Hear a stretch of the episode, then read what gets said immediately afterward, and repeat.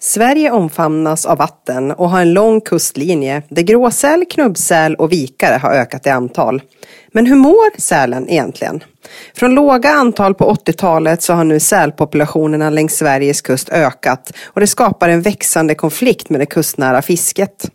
Licensjakt på säl öppnar för en möjlighet till en fantastisk jaktform som fler och fler visar intresse för, men som kräver både kunskap och förberedelser.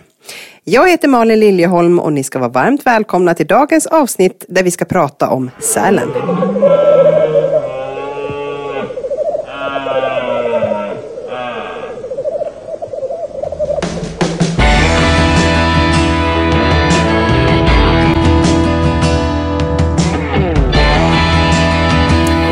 Ska hälsa er lyssnare varmt välkomna till avsnitt 8 med På jakt på Jägarförbundet. Och som sagt, idag ska vi prata säl och säljakt och kustjakt. Eh, jag har bjudit in två stycken personer med lång erfarenhet inom det här. Det är Martin Hane från västkusten, Kungshamn, som är en inbiten kustjägare. Och så har vi Anna-Karin Westling som är säljägare hemmahörande uppe i Hudiksvall. Välkomna hit idag. Tackar, tackar. Tackar. Tack för att ni har åkt så långt för att vara med i podden och trots snöstormar tagit er hit. Det gick ju bra, eller hur? Till sist. Ja. Men hörni, ni ska få presentera er lite grann. Eh, Anna-Karin, berätta. Eh, var bor du och vem är du? Och... Ja, eh, jag bor i Hudiksvall med mina två hundar. Eh, en liten chihuahua då, som har varit riktigt duktig säljägare. Och så har jag gjort det misstaget och köpt en liten forstervalp som jag ångrar. Hur går det? Han blir två år kanske eller något. Vi får väl se. Det är värsta åldern. ja, men du. Mm. Det, men eh, ja, jag väl mest på havet. Ja, du har många dagar på havet, eller hur? Ja, det har jag. Ja. Jag har blivit riktigt sälnörd faktiskt. Men Ja. det, är, man älskar ju havet. Så, att, eh, Ja, det är så där. jag bor ju vid, alldeles vid havet också då. Ja, just det. Mm. Gud vad härligt. Ja, du har en fantastisk utsikt från ditt hus. Jag har ju själv varit och besökt dig och helt otroligt vad fint du bor. Ja. Eh, Martin, jag hoppas få komma och hälsa på dig någon gång också. Men du hör hemma i Kungshamn, eller hur? Jajamän, jag bor strax utanför Kungshamn. Mm. Och jagar ju mest ute i skärgården för det, det är jag uppväxt med sen jag var liten pojk. Och mink, fågel och ser när det är ja, lämplig årstid då. Mm. Nu på vintern är de inte uppe så mycket. Och har en väldigt förstående sambo och en snäll son som tar hand om två hundarna där hemma så att jag kan åka ut på dessa nöje. Jagar du mink med hundarna, eller? Med den eh, gamla Mm. jagar jag mink och drivern ska nog få lära sig det andra först innan hon får vara med. Ja, just det. Så eh, ja, nästa år kanske hon får följa med. Ja, men vad härligt. Men hörni, då ska vi ta oss in i sälens värld tänkte jag. Vi har ju många lyssnare som är nyfikna på den här jaktformen, men eh, den är ju inte så utbredd än. Och det, det är ju en hel del man behöver ta i beaktning och lära sig när man ger sig ut på sjön tänkte jag. Så jag tänker att ni ska hjälpa mig i den här resan och, och eh, hjälpa våra lyssnare att få lite mer kött på benen helt enkelt när det kommer till säl och säljakt. Men kan vi börja någonstans? Eh, hur länge har sälen funnits i våra hav? Har vi koll på det ungefär? Ja, lite grann. Ja. Eh, jag läste lite grann, efterforskade lite grann. Ja. Gjorde det. Då står det att det är 10 000 år sedan som den kom in i Ja. Östersjön. Så länge. Ja, och sen har man ju sett utgrävningar och sådär, så säljakten är ju fruktansvärt gammal. Ja. Eh, det var 9000 år sedan och det är här nere från någonstans här nästan som jag hittade Jaha. rester efter det.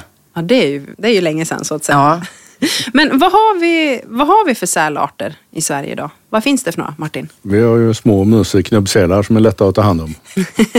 Till skillnad från kolosserna på östkusten. ja mina är lite större. Precis. Vi har ju tre stycken då. Vi har ju vikan då, som är i viken och lite högre upp då. Berätta, vad, vad är viken för de som inte vet vad viken är? Vart, vart finns Ja. den någonstans? Ja, i vikarna, Upp så att säga. I, I Östersjön. Ja, de har ju, kommer ju väldigt långt ner Ja. nu. De är ända ner i Stockholm och sånt också. Ja, de är så pass Ja, långt ner. Eh, Jag har ju fruktansvärt mycket just nu hemma hos mig. Mm.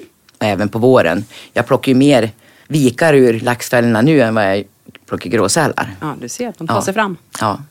ja, och så har vi gråsälen då. Den största sälen. Och så har vi knubbisarna då, eller hur? Jajamän, småttingarna som är lätta att hantera. Men finns de bara på västkusten? De har kommit runt så det finns ett bestånd i Kalmarsund. Ja, det gör det. Så där finns det knubbsäl också. Ja, Men okej. de får den inte skjuta. Nej, okej. Det finns andra regler för det där då.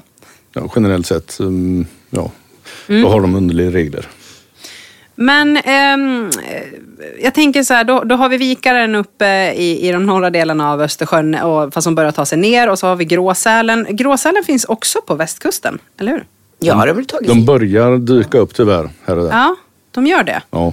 Så de är inte så hemmahörande här, utan de sprider sig. Och hänger de med varann eller är de liksom... Är de kompisar, knubbsälarna och gråsälarna, när de väl träffas? Eller är det lätt att... Ibland kan man se dem ihop. Men eh, de trodde ju förr när de hette döda knubbsälar med skärsår runt, de kallade det corkscrew syndrome.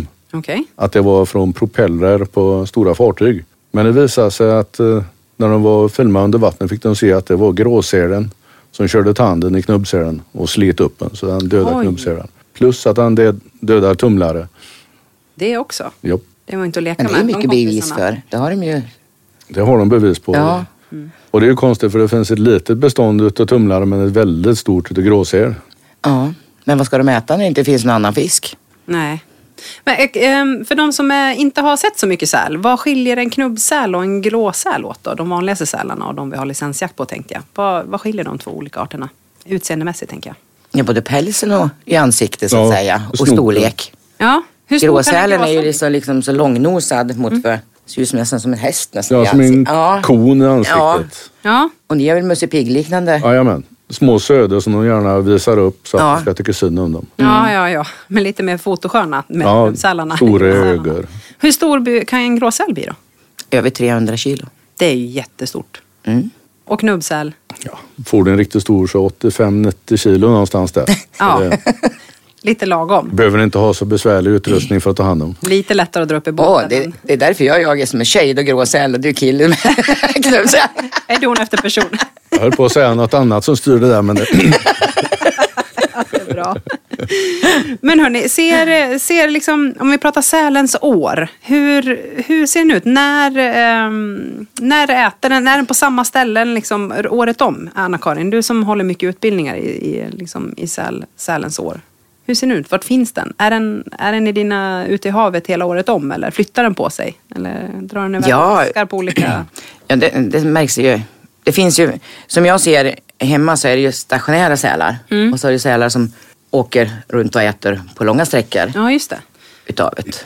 När får de kutar och så här? Och när... Eh, vi säger som sälens år. Vi har ju jakten då på, och det är ju olika på knubbsäl och gråsäl. Mm, vi börjar med gråsäl då. Eh, som nu är ju jakten i år då, är ju då från den eh, 20 april då till 15 januari med ett uppehåll då.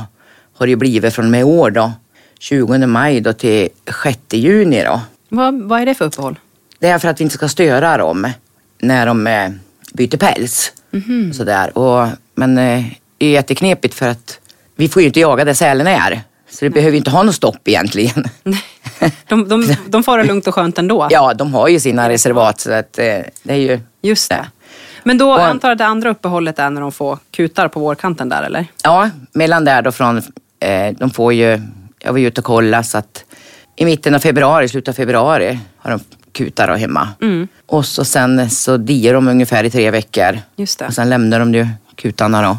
Hur är det med gråsälen? Är de beroende av is när de får kutar eller ligger de på kobbarna eller hur ser det där ut? Både och. De ligger både på land och is. Okej, så ja. de klarar både och. Ja, de klarar både och. Är det vikarna som behöver mer? Ja, vikarna måste ha, måste ha is liksom. De är beroende. de kör ju upp klorna om och så borrar de upp och så bygger de en hydda. Okej. Och där föder de Ja. kuten inne där. Och är det oftast eh, en kut en säl får eller kan de få fler? Nej, en per år. Det är en per år. Ja. Just det. Vet De du gam- könsmogen ungefär vid mellan 3 till 5 års ålder. Det var precis det jag tänkte fråga. Så Ja. Mellan tre och fem kan de Mm. börja få Ja. kutar helt enkelt. Mm. Hur ser det ut för knubbsälen då Martin? Ja, du ser dem ju mer runt midsommar när de kutar då. Ja. Och sen är kuten med mamman i tre, fyra veckor. Mm. Och sen har du ju när de uh, ruggar, om vi säger så. Mm. Då ligger de uppe mer. Sen avtar det ju ut med årstiden nu, fram i januari, februari så är det inte mycket säl som ligger uppe på land. Eh, vad, vad är de då? Ja, då är de i vattnet. Ja, precis. Är de iväg och fiskar, men är de, är de långt bort eller håller de sig hyfsat stationära? Du brukar kunna se dem om du är ute och fiskar. De sticker upp. Men eh, har du då fyra grader i vattnet och minus fem, tio på land så Mm. ja, de har ju bra med späck. Eller ja, hade. Det börjar ju försvinna. Men sen framåt våren där, då ploppar de upp igen. Då ser du mycket säl på kobbarna. Men det följer egentligen in mig på, på nästa fråga som jag tänkte ställa. Så här, hur sälen mår idag. Ska vi börja med gråsälen och dina erfarenheter Anna-Karin uppe hos dig. Hur mår dina gråsälar? Ja, men det är ju fruktansvärt att se. det är det ju. Och jag tittar ju bara på hur det såg ut. va. Eh, och jag har ju följt dem varje år. Och det blev liksom ett väldigt slag 2020. Kustfiskarna då fick eh, ungefär 18 till 20 ton till surströmmingen. Och på hösten där började jag hitta svältande sälar. På hösten då fick kustfiskarna ingenting. Året 21 fick de 7 ton fast de fiskade mer.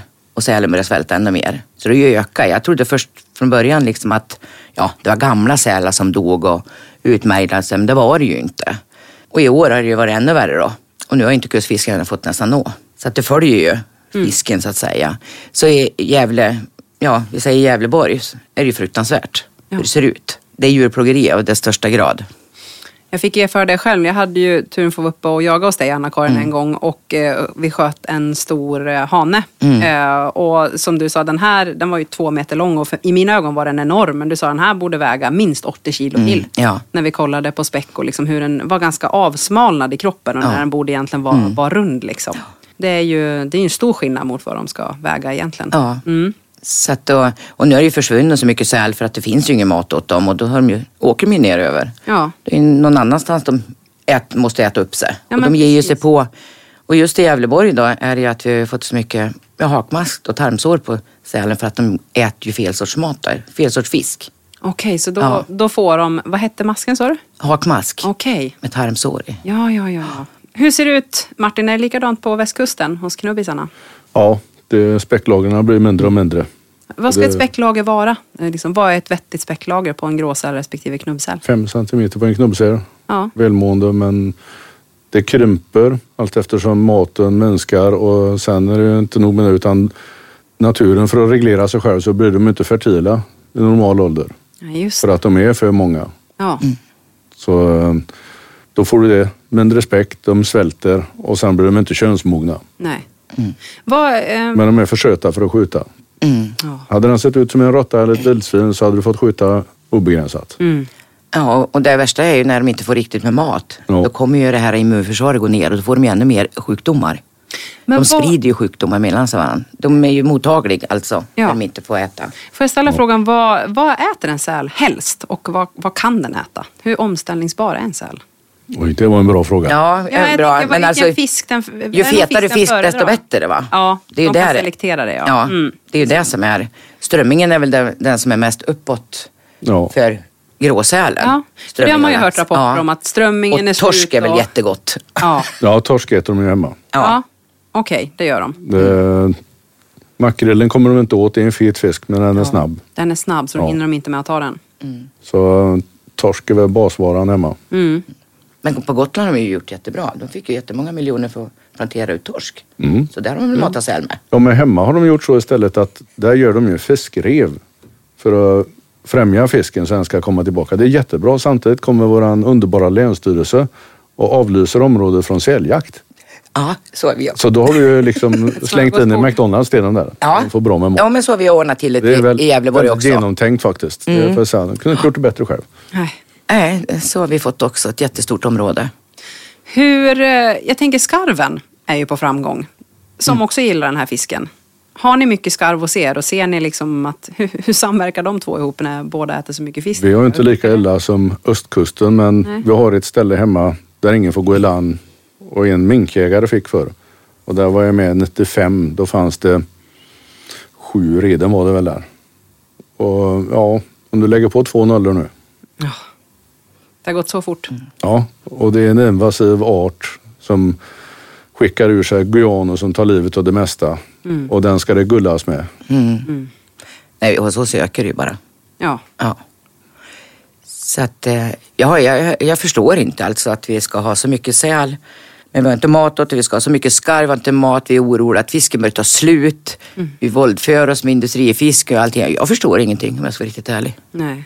Nej, inte nog med det. Skarven har ju lärt sig, har de sett, att den tar ju fågelungar.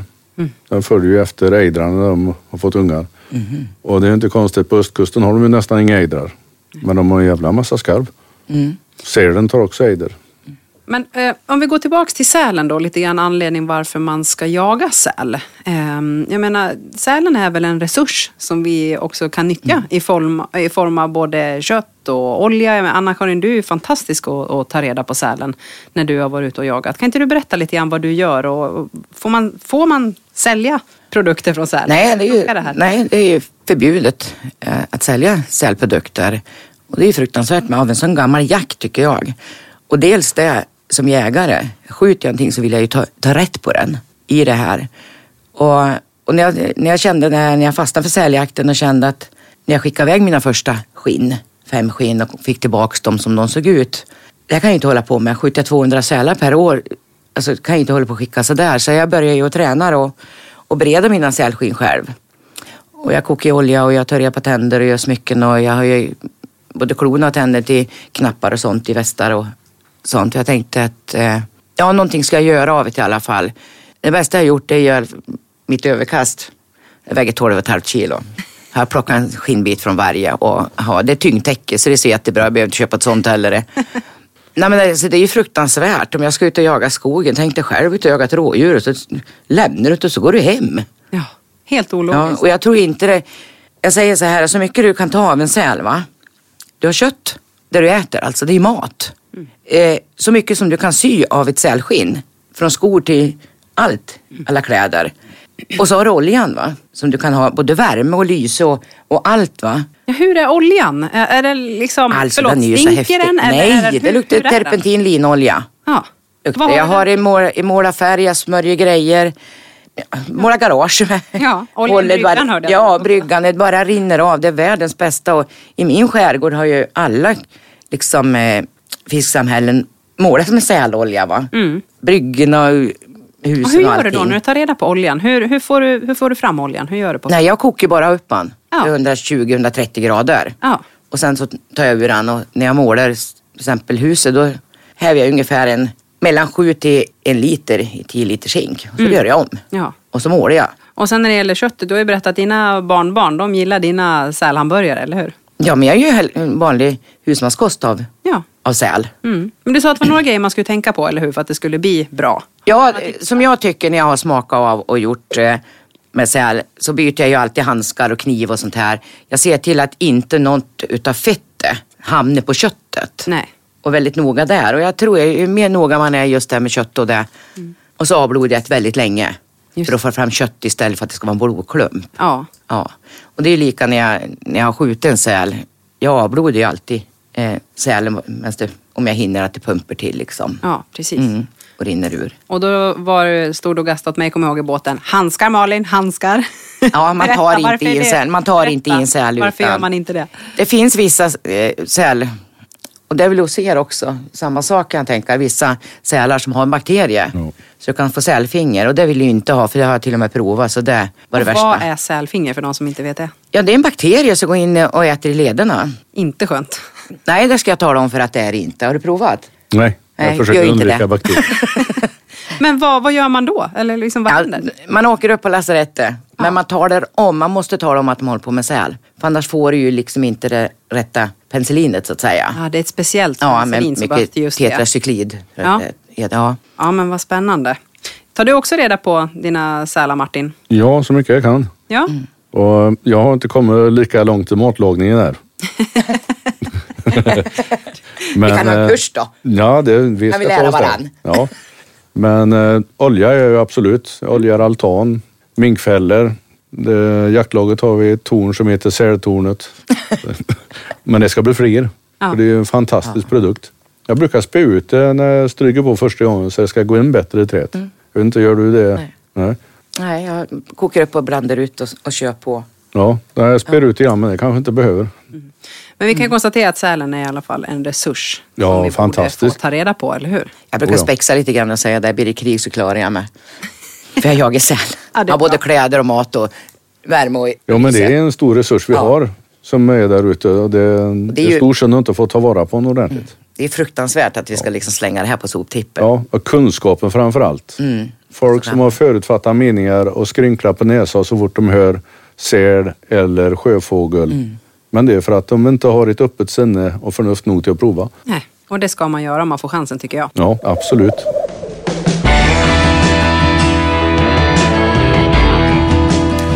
Jag tycker vi ska dyka in lite mer i eh, jakten på säl. Eh, det här året så får 2000 gråsälar jagas på licensjakt och 730 knubbsälar på licensjakt och sen är det skyddsjakt på 420 vikare som gäller. Hade jag de siffrorna rätt hörni va? Ja. Ja, vad bra. Men eh, kan inte ni berätta lite grann, vad behöver man för att jaga säl? Och finns det olika sätt man kan jaga säl på? Och vi får nästan kanske börja, ska vi börja på östkusten hos Anna-Karin och sen kanske Ja. lite annat på västkusten? ja, du måste ju börja ha en båt i alla fall. Sen behöver det inte vara någon värstingbåt eller någonting. Men vad är, för, vad är en bra sälbåt då? Om man ändå vill börja jaga säl. Finns det några olika bättre sälbåtar än andra? Funktioner som behövs? Nej, det tror jag inte. Om det, om det, det beror på hur du jagar. Mm. Om du åker ut och lägger det på en kobbe och skjuter en säl som du har kan du ju bara haka fast den och knyta fast den och släpa den hem också. Mm. Det behöver inte vara så märkvärdigt men jagar man mycket så vill ju jag ha lite, lite bättre då. Ja, men jag tänker, att, du som eh, är ute själv ibland, alltså få upp de här tunga Ja, jag vill ju båten. ha... Sälen är ju ganska stor så jag vill ju ha mitt bogvisir som jag är i båten. Jag köpte ju en sån bara för att kunna jaga säl. Ja. Eftersom jag blev så inbiten liksom. Mm. Eh, jag rekommenderar, ska man börja jaga säl, följ med någon först och se Mm. grejer. För det finns ju ingenting att köpa så man får ju kroka själv och, och sen hittar man ju på lite no- olika idéer själv liksom när man är ute där. Ja, såklart. Ja. Hur, hur brukar du jaga säl? Är det, är det liksom från båt eller ute på kobba från land? Eller hur, hur, hur brukar du jaga? Både och Ja. gör jag ju. det Jag skjuter ju från båt men det roligaste vet, det jag tycker är att få lägga mig på en kobbe. Jag har boja ut eftersom sälen är så smal. Jag vill inte skjuta från båt nu för den sjunker så fort. Mm. Jag vill ha sälen i båten. Eh, Då åker jag ut på den där kobben och så har jag boja ut liksom och så skjuter jag där för då innanför de där bojarna där är det grund så att jag hittar dem va. Då Krokar jag upp och så lägger jag dem i båten eller drar upp dem på land och tar reda på dem. Ja. Ja. Och man behöver väl inte vara så tyst när man jagar säl här, eller hur? Nej, jag är inte tyst. jag lägger mig på en sten, jag med ett järnrör och så ligger jag och slår där klappar och jag spelar och jag sjunger och grejer. Ja. Om jag inte ska ansmyga då. Mm. Men det har jag bara ett ställe på hela mitt ställe där jag kan ansmyga. Mm. Krypa över liksom. Då gäller det att vara Då gäller tyst och tyst inte ha inte vinden på sig och sånt där. Nej. Det är ju väldigt... De har bra, de känner vind och känsliga för det också. Ja, det är ju ett rovdjur som har alla sinnen på plats kan man säga. Ja. Jo. Ja, Och du brukar ha chihuahuan med dig ut har jag sett också. ja gud ja. ja. Han är alltid med. Ja, Ja, nu har jag en till bråkstake med också. ja just det. Forsten, han kan, kan vänta lite grann och hålla sig lugn på Mm. Ja, på bay. att, är det.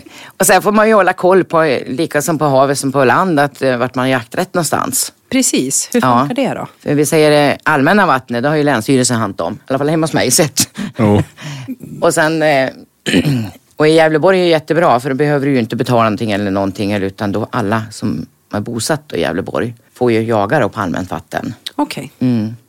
Och sen har ju statens skär då som man kan betala in till och jaga på. just det. Men det är ganska många ställen de är skyddade också, eller hur? Ja, vi har ju naturreservat och vi har ju Natura 2000, vi har ju sälreservat. Jag har ju två stora sälreservat hemma hos mig. Mm. Där sälarna är. Så där får vi inte jaga. Så det gäller ju att åka runda och jaga med lite bensin då. Ja, och hitta det. dem. Men Som det är ju så här. Jag brukar säga så här, när man ska börja jaga säl, då ska man veta sälens favoritplatser. Ja. För de har samma, samma hela tiden. Mm. Jag skjuter ju nästan alla mina sälar från en och samma sten. Just det. Ja, För du vet att den stenen gillar de. ja de Mm. trivs där. Alltså, sälarna har trivselställen. Är det, kan man jaga hela dygnet säl, eller hur, hur funkar det? Ja, på sommaren är det ljust. Ja, precis. Ja, Men, är det, Men det finns väl ingen som åker ut kolsvart Nej, och skjuter en säl? Då hittar han inte. Nej, Men jag tänker morgon eller annars brukar det ju vara att det är skymning eller, eh, eller på morgonen som man Nej, jagar. jag skjuter säl på alla tider i dygnet. Ja. Och helst lugnt vatten, eller? Jag tänker Ja, det är ju- väldigt svårt annars.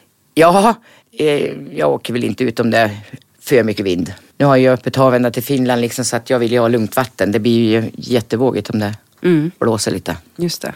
Hur ser det ut hos dig då Martin, på västkusten? Jo, men det är, det är ju snarlikt där. Det, vi har ju 95 procent utav där sälarna befinner sig, där får vi inte lov att jaga. Men sen är det Statens fastighetsverk och sen är det allmänt vatten. Och nu bor jag i en kommun som är så tacksam så att kommunen äger öarna och där har vi fri jakt. Och de ingår ju inte då i allmänt vatten, även om de är små och obetydliga så det kommunen som äger dem. Men eh, jag gör ju mycket liknande att jag har ställen jag kollar upp där det är tillräckligt grunt. Ställen där jag vet att de brukar vara. Så ligger jag på land med benstöd. Jag jagar sen jag var liten pojke och jag skjuter nästan aldrig, aldrig från båt. Hagel på en skadad fågel, ja. Kula på någonting som är så litet som ett sälhuvud, det är förkastligt. Mm. Det, utan det, helst skjuter jag dem på land, för det, det är så lätt som möjligt. Just det. Jag har ingen specialbåt. Jag har haft en som hade lågt fribord för att vara lätt att dra upp selen i. Och vi har inte så här stora kolosser. Vi nöjer oss ju med lite mindre. Nu har jag en med högre fribord men jag har en lindragare så jag kan dra upp dem istället. Annars så boxerar de till land och så tar jag hand om dem där på kobben. Just det. Och så har jag, har jag med putsar och grejer till att ta med kött och skinn och späck i land för att koka av där och göra ordning. Och, ja, trevlig, härlig jakt där ni kan vara ute och sitta och ha det skönt på skären och åka runt i båten och bara allmänt trivas på sjön. Vad är det man ska tänka på utrustningsmässigt som man tänker? Är det någon, eh, är det någon kaliber som är bättre? Någon kula som lämpar sig bättre? Varmentkulor. Kan du ska inte ut på havet med något annat än eh, varmentkulor. Har du en bondad kula så håller den ihop. Och skjuter du på en knubbsäl då, de här småttingarna, som har ett väldigt tunt pannben, så går den kulan rakt igenom och sen kan den studsa ett par kilometer bort. På öarna vi jagar på hemma, de är inte så långt ute från land. Och rätt vad det är så kanske det kommer en kanotist som du inte hör runt en ö. Så det kräver väldigt mycket av jägaren att han har gott omdöme och tänker sig för väldigt, väldigt noga för det kan väldigt fort gå illa. Det är knepigt att, det, att just den här frågan, att man inte är förbjudet att ha sådana tycker jag, kulor. Att det inte ska vara. Känsligt vet du. Ja men egentligen. Men kan ni berätta för de som inte vet vad en bondad kula är och liksom man pratar blöt kula och den expanderar. Vad, vad gör den här kulan som ni använder? Vad är fördelarna med den när ni skjuter på en säl? Ja, man ska förklara rätt upp och ner. Han exploderar direkt när han träffar någonting. Ja. En vattenyta som Ja. ett sälhuvud. Ja. och då slipper man rikoschetten helt Ja. enkelt. Men sin bondad kula då, där är ju blyet sammanfogat med manteln så när den träffar, den är ju tänkt för att svampa upp i större vilt. Och den går rakt igenom den skallen och sen studsar den bort efter Och du säger skallen, vart, eh, vart skjuter man en säl? i skallen. I skallen jämt, även om de ligger på en kobbe? kan du ta i kroppen med en varmentkula för den är ju som sagt lite smidigare och har inte lika grovt, grov kropp som en stor gråsäl. Så det funkar. Om man vill ha kraniet som trofé hemma så kan den göra det. Då Ja. ska du vara säker och skjuta den på land så att du punkterar ju allting. Rullar den ner i sjön då så sjunker den ännu fortare. Ja, just det. Riktig punktering. Jajamän. Är det likadant för dig Anna-Karin? Dina sälar är betydligt större tänker jag. De får inte skjuta i kroppen. Nej. Fettlagren går inte igenom så han exploderar fettet. Mm. Och det är många som har haft eh, ja, vanliga kulor så att säga, kan man säga då, som man skjuter i kroppen. Det tar en stund innan cellen dör, Mm. när kulan åker in i kroppen. Och den dyker ner och den är jättesvår att hitta. Så, så för min del så sk- skulle jag bara säga att just på gråsälarna, det enda som gäller är huvudet. Mm. Och därför tycker jag det är mycket bättre att ligga på en kobbe, sälen är i vattnet så att de inte, för hur än det är så drar de ner lite med bössan vi skjuter, lite på större delen av kroppen om de har en varmkula på gråsälen. Mm. Så jag föredrar ju då att ligga på land med bra stöd och eller få ansmyga då och lägga. Jag tänker att det är ju en extremt liten träffyta. Eh, och någonting som guppar upp och ner och inte springer sidledes som man blir egentligen inlärd om man pratar om att ha jägarexamen när man är på skyttebanan och så vidare. Det är ju ett väldigt utmanande skytte. Jag tänker, vad, på vilka håll skjuter ni och hur, hur tänker man där och hur ska man hålla bössan och vart siktar man och, och så vidare? Men allt man tränar blir- blir man ju bra på. Det finns nog någon hemma som inte håller med. Ja. Nej, men Det är, alltså, det är en tennisboll du har Ja. jämfört med en medicinboll. Och skjuta Ja. på rörligt det är svårt nog på en stor älg och sen då på en liten säl. Så jag föredrar ju när de ligger uppe på land och skjuta. Mm. Eller om du någon gång hemma skulle få platt vatten. Det är Mm. väldigt sällan. Men då ligger du som du säger med gott stöd uppe på land. Men då ju- ska du veta också att det är grunt och ha märkt upp och förberett och gjort klart allting. Annars så får du ju avbryta för det är oftast kallt i vattnet så här års. Ja. Och eftersök på säl, det är inte lätt. Precis, eh, det är ju, menar Anna-Karin, du, du har ju dykarutrustning och dyker under ibland. Liksom, vad, vad gäller om man skjuter en säl och eh, den sjunker och även om man tycker att man har kollat att det är grunt så, så hittar du den inte. Liksom. Vad är det för regler som gäller? Vad, vad, ligger, vad åligger mig att, eh, att göra i en sån situation? Har du gjort allt så, som du bör göra så har, kan du inte göra mer. Reglerna säger inget men det Nej. moraliska och etiken säger ju att du ska göra det du kan för att få tag i den. Jag har haft säl på två meters djup som jag inte hittade i tången. Nej. Jag blev tvungen att... Jag hade ingen dykarutrustning tyvärr. Nej. Så jag fick ju klä om mig och hoppa i. Han låg ju där, jag kunde se blod men jag Ja. kunde inte få tag i med kroken. Men ja, ja. Men jag tänker även, det kan ju bli, eh, även om det är inte det man vill, så kan det ju bli skadeskjutning. Jag tänker framförallt på de här lite större grå, eh, gråsälarna, hanarna, som har väldigt lång nos. Så jag tänker det här när man, man avlossar skottet, hur vinkeln på huvudet ska vara till exempel. Visst ska det vara rakt framifrån, som jag blivit lärd mig, så att inte man skjuter från sidan och kanske skjuter av käken eller nosen, eller hur, hur tänker man där? Alltså, när jag har sälutbildning till exempel. Om du skjuter från båt, då får du ju aldrig ett skottläge i sidan. Nej. Utan du tittar ju framifrån. Va? Och där brukar jag rekommendera, jämt när de ser att det är sådana här stora gråsälar med, med noser de har när jag var min kulan i att sikta lite längre ner. Va? Så att de inte skjuter rätt i nosen på dem. För det är ju, då blir det skadeskjutning.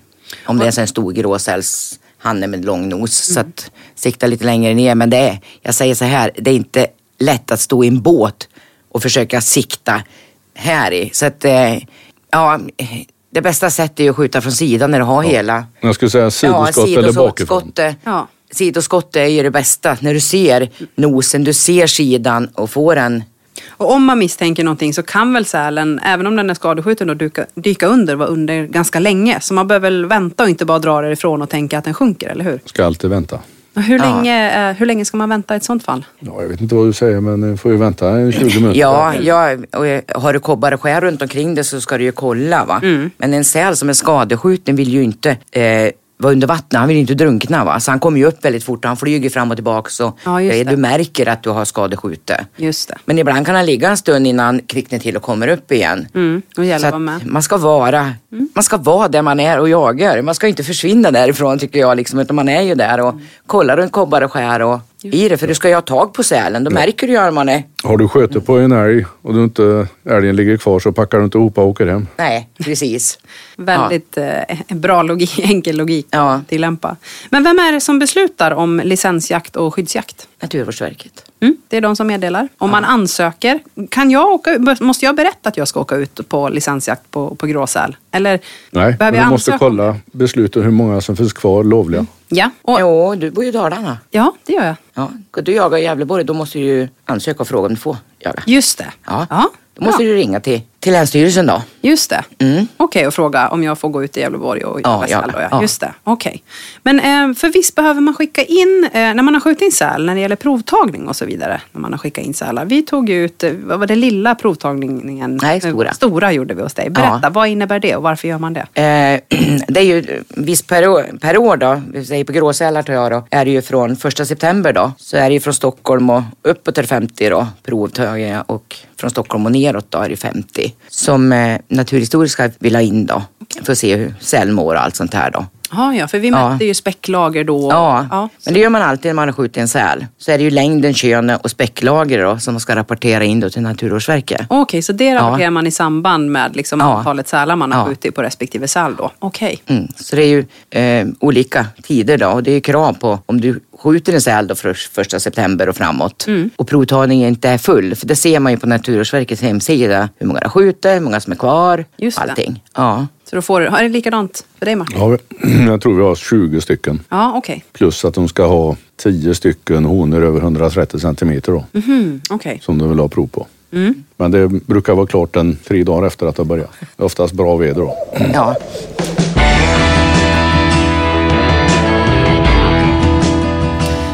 Men Martin, om jag får fråga dig då. Du har ju många både kompisar och gäster och sådana som du utbildar som följer med ut på havet och ska få lära sig att jaga säl. Liksom, om vi ska ta upp eh, etiken i det här. Vad tycker du är de viktigaste delarna man ska eh, höja när det kommer till, till säljakten? Det är ju att ta vara, ta vara på och se den som en resurs och göra det du kan med det du får där och inte göra som en del gör. Det finns ju de som vill synas mycket på olika medier och de åker ut och skjuter massa sälar men de orkar inte bry sig om de som sjunker utan de fortsätter. Och de fortsätter tills de har fått tag i några. Och det, det slår illa på oss andra seriösa jägare. Du åker inte ut i skogen och skjuter fem älgar och så drar du ut en för att den låg bra till. De andra lämnar. Det gäller att sköta sig. När det var skyddsjakt fanns det en helt annan regelbok att gå efter. Då kunde du vara ute och skjuta för då var det regelrätt för att skydda fiske och redskap. Nu har du licensjakt och nu är du under luppen. De tittar och skärskådar mer och det händer alltid grejer när du är ute på jakt. Det vet alla som har sköter. De enda som inte gör något misstag det är de som inte skjuter. Men händer det någonting och du har suttit där och filmat så lägg inte ut det för att du ska vara med på sociala medier utan behåll det för dig själv. Andra behöver inte se när du gör ett misstag och behandla viltet illa. För det är en fin resurs vi har och den ska vi ta vara på. Det är ett vackert skinn. Och sen kan folk komma med ut. De har varit och fått sköta sin ser, de är jätteglada. Du får upp den på land och så säger du, ja men nu kan du ta hand om den. Jag tittar med lätt avskjut på det. Det kan väl du göra? Jag tar inte i den där fettklumpen. Nej men skjuta gick bra. Mm. Och lukter illa och allt. Ja, bocka av det på sin lilla lista att nu har jag skjutit den. Så respekt för djuren Ja, och lika och där. respekt för jägarkåren. Lägg inte ut skit på sociala medier eller Youtube. För det behöver vi inte se där. När de säger att de inte gillar köttet, då behöver de inte skjuta. Det finns ingen anledning. Och just det här med att jobba seriöst med, med sälen. Om, om ni har fått de många sälar och så här och vill hjälpa till att få en fin sälstam. Se till att ta upp den här sälen. Skär upp den riktigt och åk ut på djupt vatten så liksom djuren kan äta upp sälen. Riktigt. För jag tror att börjar vi hålla på bara och skjuta och nej, fick inte upp en där, fick inte upp en där. Till slut så hamnar vi på stränderna här. Och det är vi jägare som kommer att få skit. Vi som är seriösa ute och jagar och allting. Det är vi som får skit för det här att det ligger en säl död med ett skotthål i huvudet. Ja. Så att... Eh, Då sjunker jobb- ju toleransen för jakt Ja. väldigt fort. Ja. Det är intressant också att se, slänger du i kadavert, det blir ju mat till krabbe, hummer, ål. Men slänger du i späcket, det är det ingen som rör. Nej, Nej. det är ingen som vill ha det. Nej, men när du har kokat olja på späcket och skickar ut de här små frasiga kuberna, då kommer de. Ja. Då Det är de gott. det. Eh, Ja. Jag testade, Funkar bra på revåtel. jag testade nu att la av en stor gråsälshandel på, på, en, på en strand med så jag var ute och jagade. Och det är intressant alltså att se, de säger ju att eh, naturen tar reda på det här men det är inte riktigt så.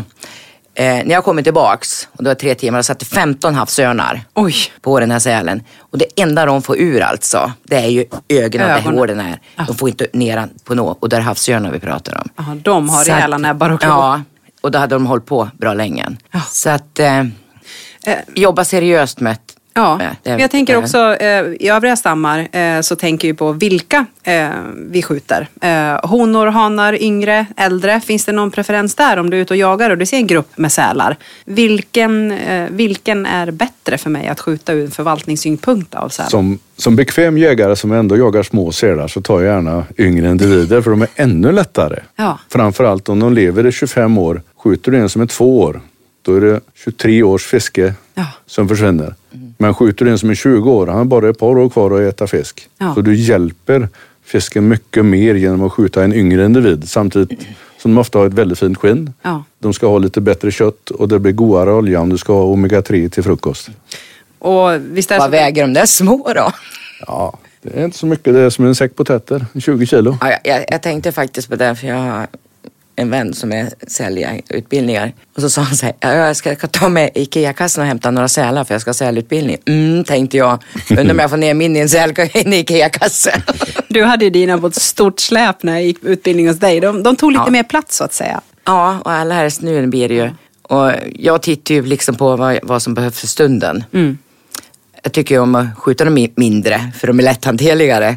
Men samtidigt så vill jag ju ha bort hannarna runt där kustfiskarna är. Just det. Det är oftast de här hannarna som är på alla Och förstör näten ja, och så nät vidare. och laxfällorna och det. För visst är det så att de är såklart olika på gråsäl och knubbsäl, men de kan käka uppåt en fem kilo fisk om dagen eller något sånt där. Visst är det så? Ja, 57 kilo. Jag tror ju att en 300 kilos sälhanne äter mer än 7 kilo per dag. Det, blir ju enorma mängder per Ja. år. Med Men i snitt då kanske 57 kilo. Jag vet inte vad knubbis. Snubbisen ligger på, du säger lågt räknat, 4 kilo. Så har vi ja, mer än 25 000 sälar. Så det är minst 100 ton fisk per dygn bara på västkusten. Per dygn. Per dygn, ja det är sug på den siffran. Det är, Ja. Det är ju enorma. Och Mm. sen importerar vi fisk från utlandet sen. ja, men det, sälen det påverkar inte beståndet. Så här. Nej. Nej, inte nog. Men det leder mig in mig till, egentligen till nästa fråga. Ni eh, bor ju, yrkar och eh, lever och jagar tillsammans med yrkesfiskare i era områden. Kan inte ni berätta lite grann? Vad är, vad är deras erfarenhet och hur, hur har de det idag? Martin, ska vi börja hos dig? Ja, hemma det, det är varierande. Hemma är det mycket kräfta och räkfiske. De blir ju inte så påverkade. Vi har ju inga laxfällor och sånt hemma. Det, ålfisket har de ju tagit livet av så det finns ju inte heller. Så Nej, okej. De blir inte lika drabbade. Nej, Men eh, de som har fasta redskap, där är de ju inne och tar. det är de. Och det, det märks ju tydligt. Mm. Är det värre hos dig Anna-Karin eller hur ser det ut där? Om vi säger 2018-2019, då var ju sälen bekymret för kustfiskarna. Nu är ju inte sälen bekymret, nu är ju fisken. Nu får de ju ingen fisk. Nej, Så att eh, det finns inget ändrat kvar. Men vad beror det på? Är det bara sälen då? Eller vad är det, vad är det som Nej, det är in? industritrålningen Ja, som, ja, vi, håller, vi våldför oss ju på havet va. ja. Och, ja, det är så ofattbart att vi ska ha sälskrämmor och massa saker och stoppa Mm.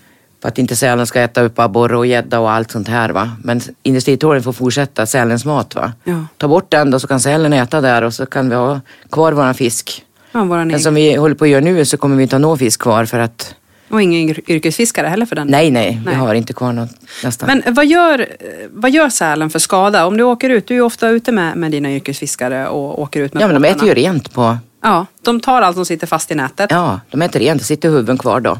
Ja. Nu har vi ju varit ute med någon snurrevad då. Och då händer det att vi får den där storsälen då i den där snurrevaden och så ska man ju upp med den där och skjuta den där och Mm. plocka ur sälen ur den där. Och, Och utrustning går sönder antar ja, också. utrustningen går sönder. Sen är de ju på laxfällor då och då kan de ju bara ligga utanför och så sitter de ju och drar, slår då på laxen inuti då. Mm. Och vi säger, ha en säl liksom drage med klorna, då, då går det ju inte att ta den laxen för det är bakterier på den va. Såklart. Det ska bli intressant. Jag ska ta och lite senare i den här podden kommer jag ringa upp eh, Sven-Gunnar Lunneryd som jobbar som forskare på SLU och har forskat om sälen i över 30 år. Så jag tänkte jag ska passa över några av de här frågorna på honom så han ska Mm. svara om det här. För han har ju en enorm erfarenhet och väldigt mycket fakta på de här punkterna. Så jag tänkte eh, vi får återkomma till det lite mer eh, när jag ringer upp honom helt enkelt.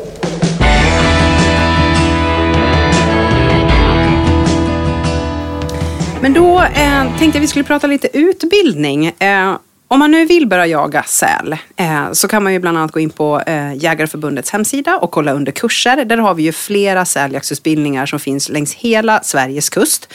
Men framförallt du Anna-Karin anordnar ju väldigt många säljaktsutbildningar uppe i Hudiksvall, hemma hos dig, eller hur? Per Ja. år. Ja. Hur, hur, hur går de till? Berätta lite. Hur det går till? ja, först så går, har vi ju lite teoretiskt då. Mm. I tre timmar först. Så äter vi lite lunch. Och när jag har den hemma då, då åker vi ut. För den här utbildningen går ju ut på att du ska få skjuta från båt. Just det. Men eh, om jag ska prata från mitt hjärta så går utbildningen på att få ta reda på, Man lär sig. lära sig om sälen så att säga. Och Ja. ta reda på kött och mat och skinn och lära Från hav till sig. bord kanske. Mm. Ja, från skottet till Precis, till produkt hamburgaren. brukar jag säga. eh, I det här. Så att, eh, men det är ju, utbildningen utgår ju där från att skjuta från båt. Då. Så då Precis. åker vi ut och så får de avlossa två skott och se hur illa det är att stå i en båt med guppande föremål framför. Jag vill att de ska få en aha-upplevelse. Ja. Hur, det, hur det är Mm. eh, i det. Sen åker vi hem och så går vi in i garaget och så får vi, tar vi reda på skinn och olja och tar prover på dem och tar ur köttet och så Alla får lära sig delar hela, alla delar. Ja. Ja. Då får man ju stort, då är det väl hyfsat startklar. Men ändå så är det ju bra att följa med någon sen nu tänker jag. Ja, för jag har, jag har ju det jag kallar för guidad jakt. Mm. Du får hyra mig och båten, jag är med dem och Mm. berättar grejer och följer med ut och så här. Och, Precis. ja. Men egentligen är ju den här utbildningen som du säger, du måste gå den här säljaktsutbildningen för att få skjuta säl från båt. ja, du behöver ju inte gå säljaktsutbildning för att skjuta säl. Nej, men ändå så bör man väl gå en sån utbildning. För det är som Jag tycker att alla som ska börja jaga säl ska gå en utbildning eller vara med någon erfaren säljägare Ja. när de åker ut. Så du vet hur sälen beter sig och Ja. Vad man bör tänka på där ute. Mm. Ja. Tycker du också det Martin, att det är bra att ha gått den här liksom, utbildningen? Eller kan man bara ge sig ut på kobbarna och sätta igång? Nej, jag håller fullständigt med. En bör gå en utbildning. Ja, Det, du lär dig så mycket och får så väldigt bra information om anatomin och allting och hur du ska göra. Så det, Även om du inte tänker skjuta från båt så är det väl värt att gå utbildningen. Ja, jag håller med. Jag har ju själv gått utbildningen och bara att få komma ut på öppet hav eh, och jaga där ute är ju en upplevelse för livet måste jag säga. Det är ju något helt annat än vad man är van med när man är van med Dalaskogarna i, Ja. i övrigt. Nej, det är ju fantastiskt så att jag varmt kan rekommendera det också. Eh, men om vi avslutningsvis, innan jag ringer upp eh, Sven-Gunnar här för lite fler frågor, tänkte jag, kan inte ni ge er en syn vad ni tror lite grann säljakten? Vart, vart är den på väg och vad, vad tycker ni behöver bli bättre för att det ska fungera bättre? Oj, det är många bitar det. Att vi får jaga där sälen finns framförallt. Ja, vad, vad menar du med det? På västkusten har de avlyst 95 procent utav områdena där sälen finns. Så där får vi inte jaga. Och det håller nere det hela. Och sen får vi inte sälja sälprodukter. Nej. Vem bestämmer Och det? Länsstyrelsen eh, har ett sätt att obstruera. Det är väl EUs Mm, EUs. Ja, det är lätt att skylla på EU. Det är Ja, väldigt lätt de, att har skylla på skrivit EU. under, de har ju skrivit under på det. De har ju Ja. svårt att ta sig igenom. Men jag tycker att Sverige kan ju bestämma lite själv. Får vi skjuta 2000 sälar så ska vi ta reda på dem också. Mm. Och kunna göra någonting av det. Ja, fullt logiskt. Ja, för då tycker jag vi kan väl skjuta älg och gräva ner med skogen och allting. Ja. Där vi måste börja se från en sån synvinkel också. Mm. Och får vi inte bort industritrålningen, får upp våran fisk så kommer vi ju döda både fisken, havet och hela Östersjön med sälen och allt. Ja. Sälen han kommer ju dö, dö ut, det är det vi håller på med. Istället för att få en fin sälstam. Vi får skjuta på reservaten och överallt så att vi får ner sälstammen, tycker jag. Mm. Men så vi får friska, stadiga sälar och en fin sälstam och börja tänka vad vi gör där ute. Mm. Ja, få fram och lära ut hur du tar vara på köttet ordentligt. För det finns många myter och felföreställningar om hur den ska göra.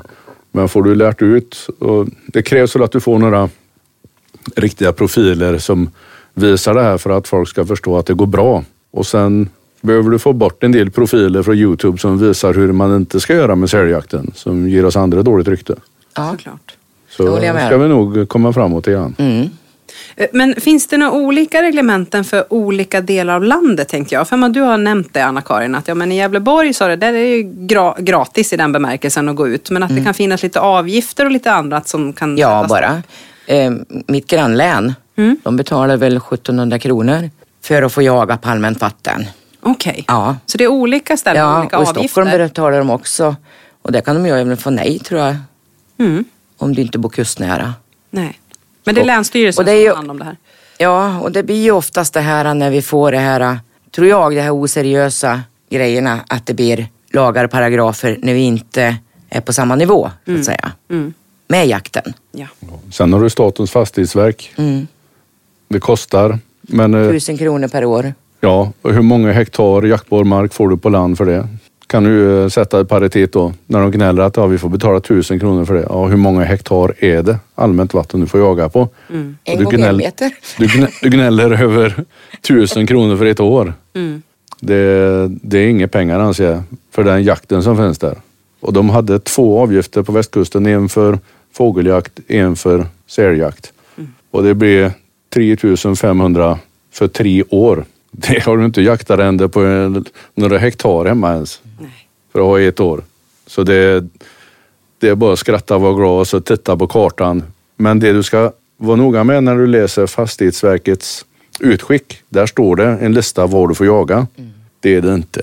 De skriver vilka öar de äger. Men de skriver Precis. inte vilka som har tillträdeförbud och vilka som är militärens. De skriver inte ut någonting utan där sträcker de ut ett schysst smalben för att lägga fällben på det. Så det får du kolla upp själv. Ja, för de äger ju sälreservaten. Jajamän. Ja. Så de lägger ut en lista till dig. Sen är det ditt eget ansvar att ta reda på om du får jaga eller inte. Men du har betalat för att vara där. Mm. Och de säger att här har du betalat för att vara. Men de säger inte att du får lov att vara där. Så de lägger hela tiden en fällben för de som jagar på kusten. Så jag Ja, tänker ännu jag en anledning att gå utbildning och haka på någon som, som har många, många dygn ute på, på Jag havet. brukar säga så här, många säger, åh vad ska jag ansöka, vad ska jag göra? Jag brukar säga så här, åk ut först på havet. Titta vad sälen är. Titta vem som äger det där. Ansök därifrån. Istället för att börja tvärsom. Va? Ja, nu ska jag jaga säl. Och jag ska ha det och jag ska det och jag ska det. Nej, och allra helst. Eh, många tror att man ska jakta rätt runt hela. Vi säger gråsälen. Den åker ju bara in och äter. Den trivs ju inte inne i vikar och grejer utan den åker in och vänder. Va? Just det, den Ja, är helst ute på, på havet. Ja, den trivs ju. Det är, är havets säl så att säga. Så att, och hellre ut och kolla vart sälen trivs va. Ta reda på det. Och sen ansöka. Sen ansöka och titta. Ja. För så, så gjorde jag. Titta, ja det är statens Skobbareskäran ligger på. Mm. Ja, då är jag klar. Då behöver jag inte ha något mer. Nej. Men grunden i, i, i det här, att ni jagar säl, precis som du sa i början Anna-Karin, det är att du, du älskar havet, eller hur? Ja, jag älskar havet och eh, från början var det jakten men nu brinner jag ju liksom för allt. Jag kan ju lika gärna lägga mig med på en ö en hel natt bara med en kikare och ligga och lyssna när Ah. sälarna skriker och titta hur de beter sig och inspektera dem, vara med dem. Eh, det Ja. tycker jag ju. För jag ligger ju och sover ju på sälstenarna ute på havet. Ja. Ja, Jag tror vi var där. 12 timmar ute på den där lilla stenkobben. Så Ja, först när jag 14 klev var av så tänkte jag så här, här kommer jag få Ja. krupp, tänkte jag. Det gick inte en minut utan att, jag, alltså, att jag njöt. Det var så fantastiskt. För där, så, Eh, har jag så, där sover jag ju mycket. Ja, precis. Flera Ja, jag hade kunnat vara där en vecka utan problem. Det är otroligt underhållande och ett fantastiskt vilt att bara få bejaka och se hur de beter sig och vilket nyfiket vilt det är. Eh, och vad otroligt mycket större de är än vad man tror när man inte är van att se dem. Eh, Ja. nej, det, det är verkligen en fantastisk upplevelse och sen få vara ute på havet. Det känns att du, du är ensam där. Det är lugn och ro och Ja, det är underbart. Otroligt vackert. Samlar energi där ja. Det är det bästa. det är- Sommaren är värst när det är fullt i folk där. Ja, det är värsta tiden när det är, men då brukar jag åka ut på nätterna. Mm. Så när jag har väckt upp hela skärgården åker jag hem. Ja, men det ligger nog mycket i kärleken till havet i Ja. att bedriva kustjakt, säljakt. För det, gillar ni att vara på vattnet så ja, Mm. då är det svårslaget. jag förstår. Och så vill vi att sälarna ska må bra, precis Ja. som vi har pratat om. Ja, en population som mår bra. Jag är jättelycklig när jag får skjuta en säl som mår dåligt samtidigt som jag blir fruktansvärt förbannad Mm. att vi tillåter att sånt här sker. Mm. Hörni, jag tänkte jag ska fortsätta med att ringa upp Sven-Gunnar eh, Lunnerud från, som är forskare på SLU här en sväng. Men så länge så tänkte jag tacka er jättemycket för att ni var med idag i den här podden. Det har varit otroligt intressant att prata med er. Och vill våra lyssnare få kontakt med er så, så finns ni ju på sociala medier och på Jägarförbundet i olika utbildningar. Så att, eh, då får de kontakta er där. Tycker ni vi har missat någonting eller har vi fått med det mesta? va? Kan, kan inte komma på något, på det finns säkert något. Ja. finns säkert jättemycket. Resten kanske får Ja. Sven-Gunnar få, få svara kan nog prata här. säl i flera timmar. Ja, men precis. Ja, men hörni, tusen tack för att ni var med idag och kör försiktigt hem så hörs vi snart. Tackar. Tack. Då ska jag ta och hälsa Sven-Gunnar Lunneryd eh, välkommen till På jakt med Jägarförbundet podden nu när vi ska prata säl. Och du har varit forskare på SLU, eh, eller har varit, du är forskare på SLU, men du har forskat om sälen i över 30 år, stämmer det? Ja, så är det. Ja, men härligt. Välkommen till eh, våran podd här idag. Eh, Jag tänkte att du skulle få ge ett forskarperspektiv på lite olika frågor som våra eh, lyssnare har skickat in till oss. Eh, Ska vi börja med den enkla frågan? Så här, varför ska vi jaga säl? Ja, svaret är enkelt. Ska vi leva på fisk i våra vatten så måste vi också förvalta sälen. Och förvaltning av säl det innebär jakt som allting annat på land. Så den, den, det beståndet kan inte reglera sig själv så att säga, utan du anser också att det, behöver, det behövs jagas säl helt enkelt? Ja, så är det. Det jag har jobbat med under alla år så är det ju att jag har försökt att hjälpa kustfisket att hitta metoder som skulle klara mycket säl. Och, eh, men sen finns det ju andra problem för kustfisket och det är väl väldigt tydligt då att eh, med, med hjälp av miljöförstöring, överfiske också så kräver fiskbestånden. Så att eh, i, idag så kan det väl vara så att ännu ett viktigare skäl till att jaga säl det är att många av våra fiskarter är så nedpressade samtidigt som sälbestånden växer obegränsat. Så då blir det ett glapp där att det blir mycket svårare att försöka komma tillbaka till ett bättre förhållande i havet med enormt stora sälbestånd. Så att den här förvaltningen måste starta nu Ja. för att vi i framtiden ska kunna bli utvecklingen rätt. Det är jag helt övertygad om. Vi pratade tidigare här lite grann om Anna-Karin och Martin som eh, ja, eh, är och verkar med sina kustfiskare och deras problematik. Liksom allting hänger väl ihop. Liksom vad, vad, är de största, vad är den största påverkan här? För liksom dels för att sälen ska må bra och få en bra stam men också att fiskarna ska räcka till alla. Hur, hur ska det här hänga ihop? Ja, men det gäller hela tiden att hitta en balans. Det är självklart att det måste finnas massor av säl. Eh, men samtidigt så får den ju vara så att vi också kan liksom fiska eller dra till nytta av de resurserna som vi måste använda i havet. Vi måste ju ha mat också. Så det gäller att hitta den balansen. Och den diskussionen har ju liksom varit helt frånvarande i stort hela tiden. För att vad det handlat om det är att sälen var väldigt hårt drabbad av människan både med jakt och miljögifter. Och det har blivit ett symbolvärde för vad vi människan ställer till med. Därför så är det så svårt att förvalta den. Det är mycket enklare att förvalta ett fult vildsvin än en vacker sälunge som har svarta ögon. Liksom. Det, så är det. Kommer vi till någon brytningspunkt tänkte jag med sälen? Liksom, kan de bli hur många som helst? Vad kommer hända tror du? Nej, det kommer de inte kunna bli. Men däremot så kan de ju bli så pass många så att deras skador för både människan och ekosystemet blir väldigt stora. Vad som händer, det kommer att hända någon gång i framtiden och det har ju hänt redan två gånger på västkusten att sälarna har drabbats av ett virus så man får en epidemi. Då går beståndet ner. Och likadant så kommer det hända i Östersjön med gråsälen. Eh, men när och hur, var det ligger någonstans, det har vi ingen aning om. Men när de här sälbestånden blir så talrika så att födan tryter, det är väldigt mycket säl inom begränsade områden. Får man då in smittämnen, då får man ju igång en epidemi. Precis analogt kan man säga det som vi har levt i coronatider. Det här kommer att drabba sälbestånd. Och det är väl ingen bra förvaltningsstrategi att låta det ske. Nej, det låter ju inte klokt någonstans. Men eh, vi pratade också om lite frustrationen det här om att eh, om vi nu ska ha licensjakt på säl och skjuta till exempel 2000 gråsälar och eh, liksom, du vill ju ta hand om hela sälen som resurs för den har ju väldigt mycket att erbjuda. Men du får till exempel inte sälja vidare produkter som olja och skinn och kött och så vidare. Hur, hur ser du på det? Ja, men det är ju jättetråkigt. Eller man kan säga att det är absurt. Men det är också en konsekvens av att mm, liksom människan eller politiker liksom vill använda sälen som ett symbolvärde. Så därför så ska den undantas all annan logik och förvaltning.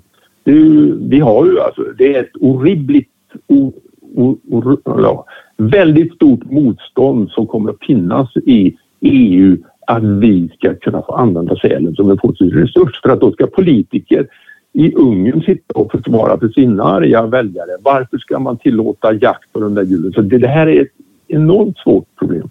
Men det är ju självklart, all logik finns ju för att vi måste ta hand om den. Jag tänker det finns ju också ganska ordentliga restriktioner om vart du får jaga sälen idag. Det känns ganska svårt att även om du skaffar då all den kunskap, utrustning som är ganska mycket med båt och du ska hitta sälarna och du ska åka ut och du ska lyckas och sen också kunna ha hög etik eh, och hålla en säkerhet. Och sen finns det ganska mycket restriktioner då vart du får jaga. Hur, hur ser du på det? Jag tänker ja, på skyddsområden och så vidare. Mm. Ja, alltså den, den absolut enklaste åtgärden för att man skulle kunna öka jakten det är ju att man tar bort det skyddet som man införde för sälarterna väldigt länge sedan när de var få. Men det, skyddet, det skyddsbehovet finns ju inte idag, eh, snarare tvärtom.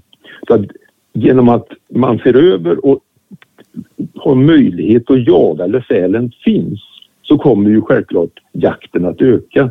Det, det är väl ungefär analogt som skogsbolagen skulle gå och säga till sina jägare ja, ni måste skjuta älg men ni får bara skjuta sälar på skogsbil, eller älgar på skogsbilsvägarna, inte i skogen.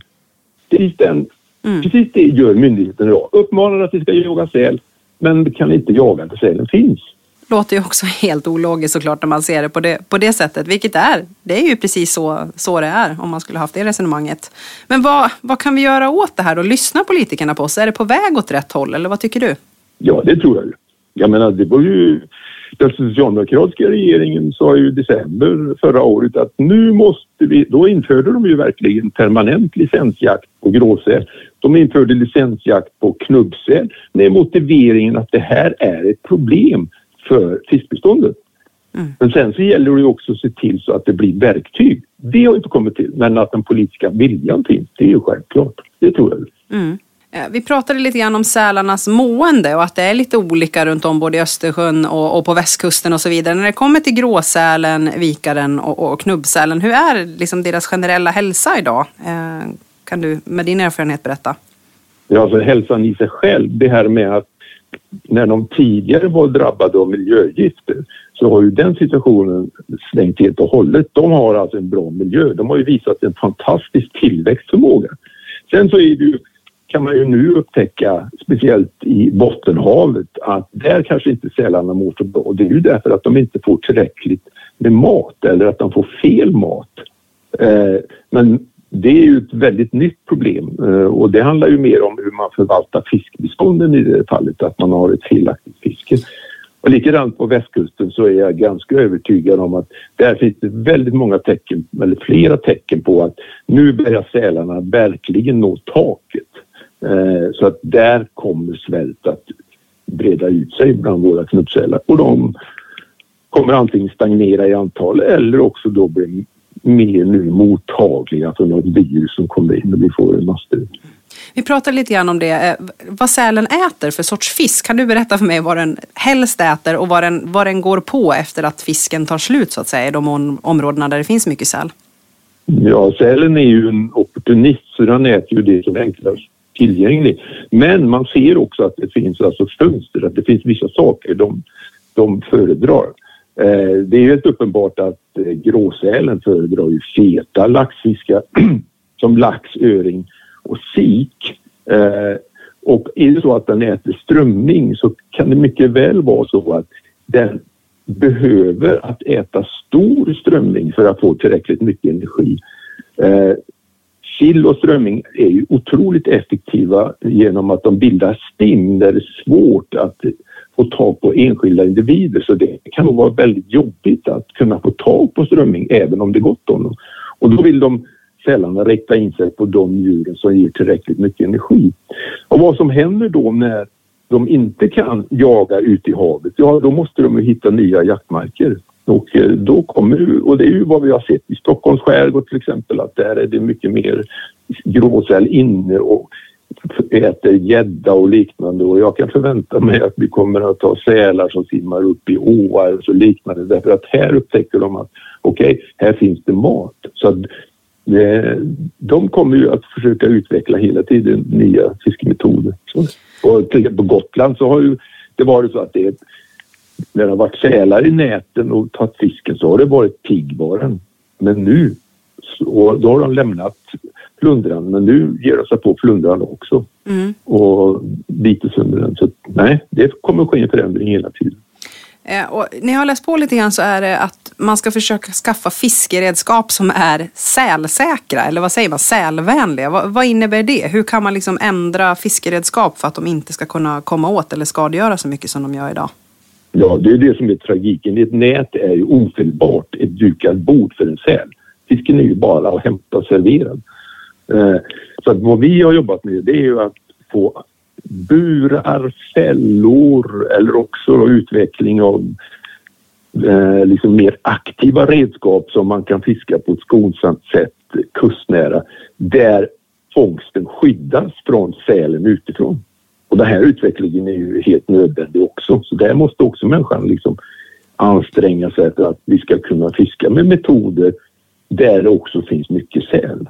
Mm. Men om vi ska få till en vettig liksom sälförvaltning och få sälstammar som mår bra och vi ska kunna ta vara på de här resurserna och vi ska kunna jägare det som utan allt för mycket problematik eh, och motstånd gå ut och, och kunna ha en fantastisk upplevelse uppe på havet. Vad, hur skulle du vilja sammanfatta det, det du skulle vilja förändra eller skulle vilja se utvecklingen framåt?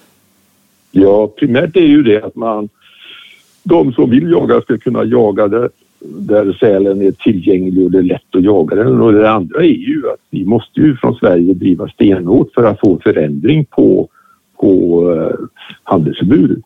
Och, och det, det, om inte annat så att vi åtminstone kan göra så att vi får någon typ av ersättning för att ta hand om sälen och använda den som biogas. Det är ju, det är ju dubbla fördelar. Dels så ger det energitillskott och dels så tar vi också bort näring istället för att låta djuret ligga där. Det, det är nog möjligt, det kan jag se i framtiden. Och sen så förhoppningsvis om några år att man också kan få bort handelsförbudet så att vi kan utnyttja sälen som den fantastiska resurs som det verkligen är då med både skinn och kött och späcket. Ja, du är väl själv en erfaren eh, säljägare och spenderar många dagar eh, ute på havet, eller hur? Jajamensan, jo, ja. det är min fritid det som konsekvenserna också vad jag arbetar med dagtid. Så det. Ja. Tack snälla Sven-Gunnar. Det var jättebra att få det lite sammanfattat ur ett forskarperspektiv här också. Jag hoppas att våra lyssnare har fått sig en rejäl genomgång av eh, sälens eh, år och hur den mår och hur vi kan bidra med att få fram en riktigt, riktigt fina sälstammar här i Sverige så vi kan fortsätta och få jaga och vara ute på havet och se till att de mår bra helt enkelt. Eh, tack snälla du för att du var med oss här idag. Ja. Ja, hörni lyssnare, hoppas ni att vi är sugna på att veta mer om sälen och säljakten. Eh, missa inte att gå in på Jägarförbundets hemsida och leta på din närmaste kurs där du kan få komma ut på havet och, och få en erfarenhet rikare inom det här. Det är helt fantastiskt. Missa nu inte, vi avslutar podden med Jägarkollen massa rolig fakta om säl på 30 sekunder och till nästa avsnitt, ha det jättebra, skitjakt, må gott! Jägarkollen, snabbfakta om dagens ämne avfyrad på 30 sekunder. Visste du att en gråsäl kan bli 2,5 meter lång och väga upp till 300 kilo? Det finns något som heter sälfingersjukan som kan orsakas av en bakterie som finns hos sälar. Bakterien kan komma in via ett finger till exempel och ett litet, litet sår kan orsaka kraftig smärta och svullnad. Det kunde förr i tiden leda till att säljägare som låg ute på jakt länge var tvungna att amputera fingret. Därför är det jätteviktigt att alltid använda plasthandskar när ni ska hantera sälar. Visste ni att i Finlands största sjö, Saimen, finns en egen population av en underart till vikaresälen som kallas för Saimenvikare. Och våra sälar idag härstammar från tidigare hundliknande däggdjur. En säl kan vara under vattnet upp till 20 till 25 minuter. Och när sälen ska dyka så minskar den pulsen från cirka 20 slag i minuten ner till 5 till 20 slag per minuten. Och blodet transporteras bara till de nödvändigaste organen.